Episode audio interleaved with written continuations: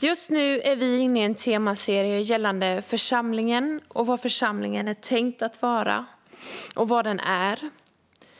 I början av den här hösten så pratade vår pastor Ingemar om att församlingen är Kristi kropp, att vi alla har olika funktioner och gåvor samt att församlingen är kallad till att vara salt och ljus. Min andra kollega Nisse har predikat om församlingen som Guds folk att vi är inympade och har fått del av förbundet som en gång gavs till Israels folk genom Abraham. Och för ett tag sedan så predikade jag om församlingen som familj och vad som händer när vi sårar eller såras av varandra i Guds familj. Idag är temat församlingen som budbärare. Och vad innebär det? Vad säger Bibeln om budbärare och dess roll? Det är lite av de frågorna som vi ska behandla idag. Men innan dess så tänker jag att vi börjar med att be tillsammans. Tack Jesus för att du vägleder oss som församling genom ditt ord. Tack Herre för att vi får möjligheten att lyssna till ditt ord och ta del av det. Och Herre, jag ber att du ska öppna våra hjärtan att vi ska vara lyhörda för vad du vill säga till oss idag. Och att vi ska få en större förståelse om vad du har kallat oss till, var och en, men också som församling. Tack för att vi får lägga den här stunden i dina händer. I Jesu namn. Amen.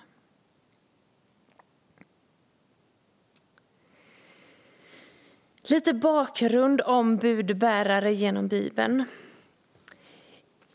I Gamla testamentet så är de vanligaste budbärarna änglar som kommer med bud ifrån Gud.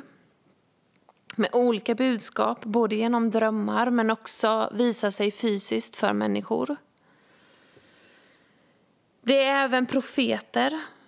Profeterna talade bland annat sanning. De gjorde mycket mer än så, smörjde kungar och sådär också. Men framförallt talade de sanning. Guds sanning till Israels folk. Vilket sällan var populärt, även om de både hade folkets och Guds förtroende. Så uppskattade folket det som sagt väldigt sällan. Profeterna förutsade också att Jesus skulle komma. Judarnas Messias, vår Messias, den här världens frälsare. Och vi ska gå till Johannes evangeliet kapitel 20, vers 19 till 23. Jesus gjorde ett uppdrag och det kan vi läsa om i evangelierna. Och här är det i slutet av hans fysiska uppdrag här på jorden. Jesus har precis dött, han har uppstått och han visar sig här för sina lärjungar. Så vi läser i kapitel 20, vers 19-23. På kvällen samma dag, den första veckodagen, var lärjungarna samlade bakom låsta dörrar av rädsla för judarna. Då kom Jesus och stod mitt ibland dem och sa Frid vare med er. När han hade sagt detta visade han dem sina händer och sin sida och lärjungarna blev glada när de såg Herren. Jesus sa än en gång till dem, frid vare med er, som Fadern har sänt mig, sänder jag er. Sedan han sagt detta andades han på dem och sa, ta emot den helige Ande. Om ni förlåter någon hans synder så är de förlåtna, och om ni binder någon i hans synder så är han bunden. Vad var det som hände här? Lärjungarna var rädda. De hade låst in sig bakom stängda dörrar när den uppståndne Jesus kommer till dem. Och Det första Jesus gör här är att hälsa dem och önska dem frid. Därefter så visar han de fysiska åkommorna efter korsfästelsen för att bevisa för lärjungarna att det verkligen var han. Här kommer sedan sändningen. Jesus önskar dem åter frid och sänder sedan ut lärjungarna för att fortsätta Jesu uppdrag genom orden Som Fadern har sänt mig sänder jag er. Efter att han hade sagt det andades han på dem och säger Ta emot helige Ande. Här har budbärarna blivit fler.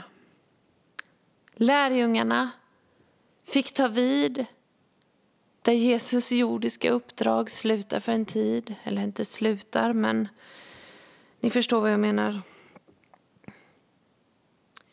Sändningen inkluderar fler, Guds folk, församlingen. Och vad hände sen? Vi går till Apostlagärningarna 1 och läser från vers 1 till 8. Det står det följande.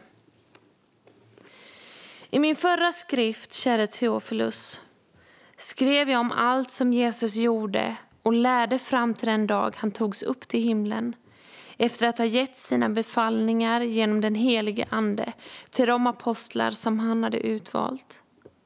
Han visade sig för dem efter sitt lidande och gav dem många bevis på att han levde när han under 40 dagar lät dem se honom och talade med dem om Guds rike. Vid en måltid med apostlarna befallde han dem Lämna inte Jerusalem utan vänta på vad Fadern har lovat, det ni har hört om mig. Johannes döpte med vatten, men ni ska om några dagar bli döpta i den helige Ande. När de nu var samlade frågade de honom, Herre, är tiden nu inne då du ska återupprätta riket åt Israel? Han svarade dem, det är inte er sak att veta vilka tider eller stunder som Fadern i sin makt har bestämt. Men när den helige Ande kommer över er ska ni få kraft och bli mina vittnen i Jerusalem, i hela Judeen och Samarien och ända till jordens yttersta gräns. Här säger Jesus att när den helige Ande kommer över lärjungarna så ska de få kraft att bli hans vittnen i Jerusalem, i hela Judeen och Samarien och ända till jordens yttersta gräns. Jesus visste att lärjungarna var rädda. Lärjungarna visste inte hur de skulle göra. Allting var nytt och kan tänkas en ordning mörkt. Men Jesus kom med, dem, eh, kom med frid till dem. Han gav dem en nyckel. Den helige Ande. Guds egen ande. Hjälparen och livgivaren. Som skulle ge kraft till lärjungarna att kunna bli de vittnen, kunna bli Jesu vittnen för den här världen. Men de var tvungna att vänta på vad Fadern lovat innan de lämnade Jerusalem. Guds löfte, som Jesus hade talat om, om att den helige Andes kraft skulle komma över lärjungarna och att de skulle kunna göra de saker Jesus hade visat på under flera års tid tidigare. När lärjungarna sedan fick del av den helige Ande då släppte deras rädsla, fruktan och missmod. Och istället fylldes de av Guds kraft och gick ut till världen för att sprida budskapet om den uppståndne Jesus, vår världs frälsare.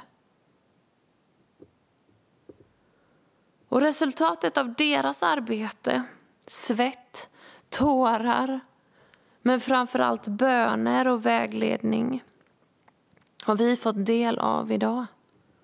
Och hur fantastiskt är inte det? Men vad innebär det då för oss idag? För oss som församling, som budbärare?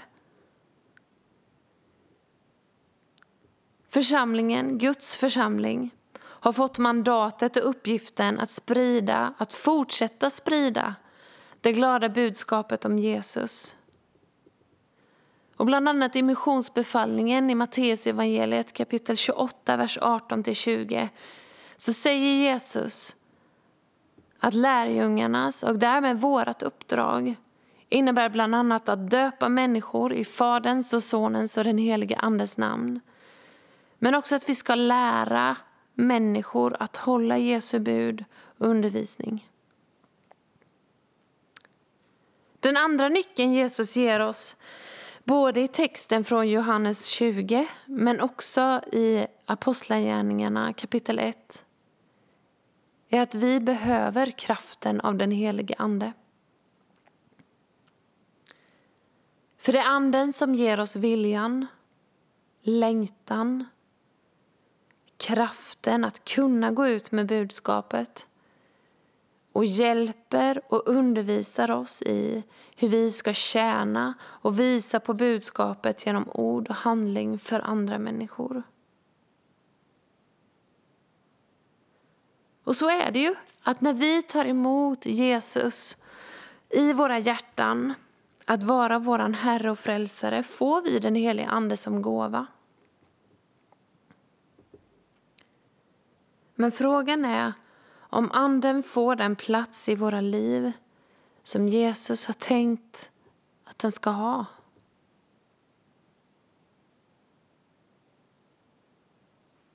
Vårt behov av den heliga Ande i vardagen är viktig. Anden är vår hjälpare som ska ge oss hjälp i tolkning av Guds ord. Anden är den som uppenbarar för oss vad synd, rättfärdighet och dom är. Alltså saker som står mellan oss och Jesus. Det kan vi läsa om i Johannes evangeliet kapitel 16, vers 7-8. Anden är också sanningens ande som ska vägleda oss med hela sanningen. Han ska inte tala av sig själv utan förkunna det han hör och låta oss veta vad som kommer att ske, står det i Johannes 16 och 13. Om då detta är Andens funktion och vi inte tillåter honom eller litar på att han gör sitt verk i oss så kan jag inte låta bli att fundera på hur vi ska kunna bli mer lika Jesus. Hur ska vi kunna fortsätta vara de budbärare i ord och handling som vi är kallade och sända till att vara?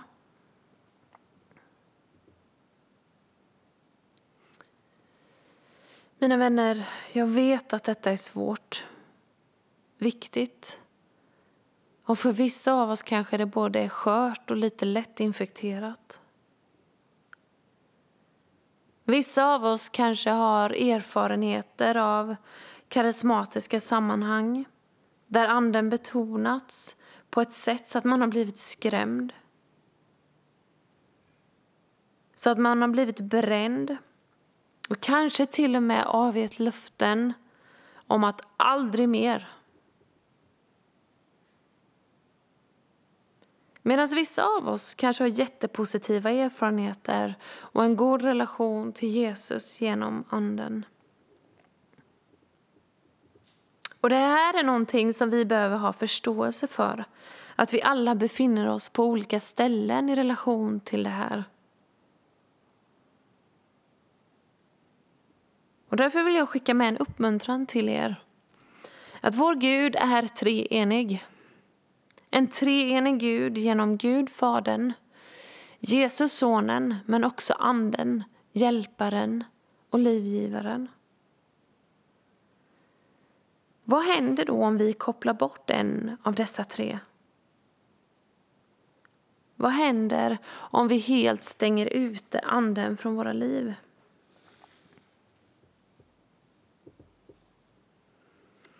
Bibeln visar på att vi förvillar oss att världens prioriteringar och värderingar kryper längre och längre in i våra liv på ett sätt som vi inte är uppmärksamma på. för att vi inte tillåter den heliga Ande att undervisa oss om sanningen, om Guds sanning. Sanningen om Jesus Kristus och hans fullbordade verk på korset. Där han dog och uppstod för din och min skull. För att vi ska bli fria från skuld och skam. För att vi ska kunna bli hela och upprättade. För att den här pusselbiten med någon typ av avsaknad som finns i varje människas inre ska kunna läggas på plats. Pusselbiten om att vi alla är skapade för att ha en relation tillsammans med Gud.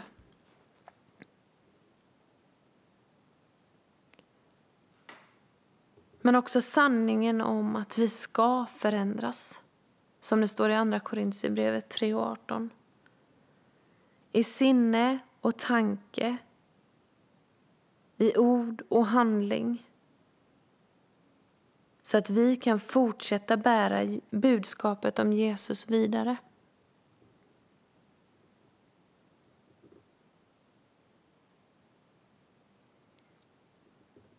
Och vad händer då om vi som församling glömmer bort Anden och, ge, och glömmer bort att ge honom det utrymmet i våra liv som Jesus har tänkt att han ska ha för att vi ska kunna få kraft att förmedla budskapet om Jesus? Vår uppgift att vara glädjebudets och hoppets budbärare för den här världen mitt i en rådande pandemi.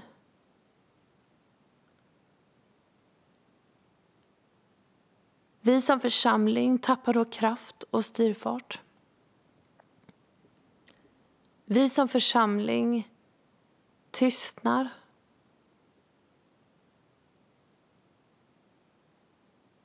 Det är då vårt fokus förskjuts från Jesus till exempelvis pengar eller lister, färger på lister.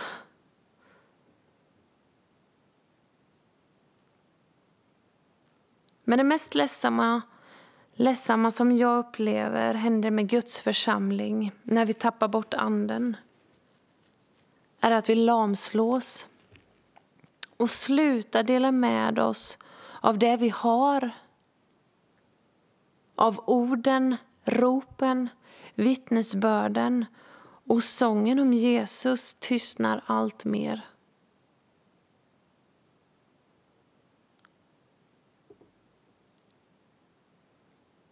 Ida Möller sjunger följande fraser. Låt aldrig lovsången tystna. Låt den finnas kvar. Låt aldrig lovsången tystna.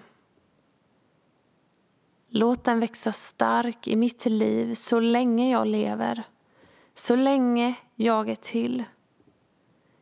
Jesus, Herre, tjäna dig jag vill.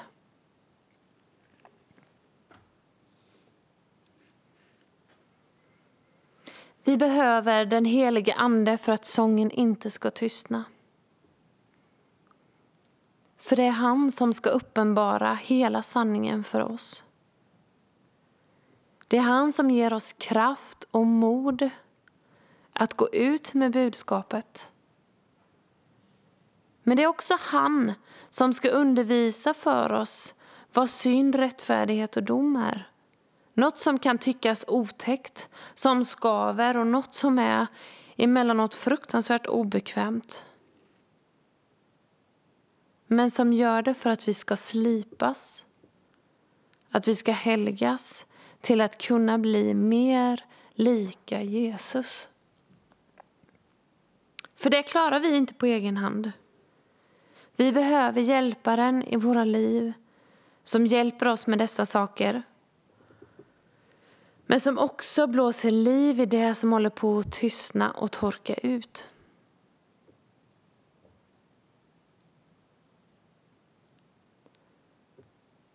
Så därför vill jag avsluta med att låt oss därför be om öppnade ögon för Andens verk i våra egna liv. Låt oss på nytt söka Jesu ansikte som säger ta emot helige Ande och som andas på oss. Låt oss våga öppna våra hjärtan på nytt för Gud genom orden och en enkel inbjudan. Kom, helige Ande. För Gud har kallat oss till att sprida hans budskap. Jesus har sänt oss att säga och göra som han och berätta om att det finns en levande Gud, den enda sanne och levande guden. Och han vill ha en relation med dig och mig och med dem som ännu inte tror.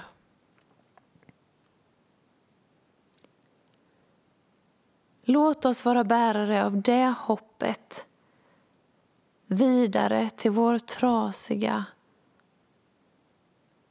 ja, till våran trasiga värld. Låt oss be. Tack Jesus för att du har gett oss din Ande. Tack Herre för att du påminner oss om och om och om igen om behovet av din kraft, din sanning, din nåd, din kärlek men också din ande i våra liv.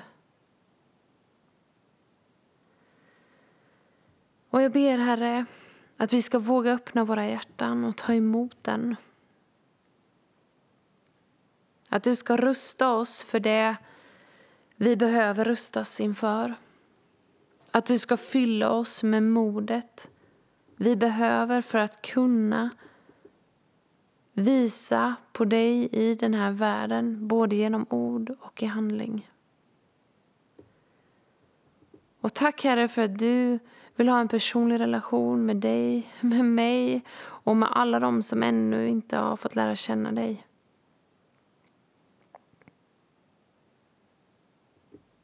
Låt oss vara de budbärare du har tänkt oss att vara. I Jesu namn. Amen.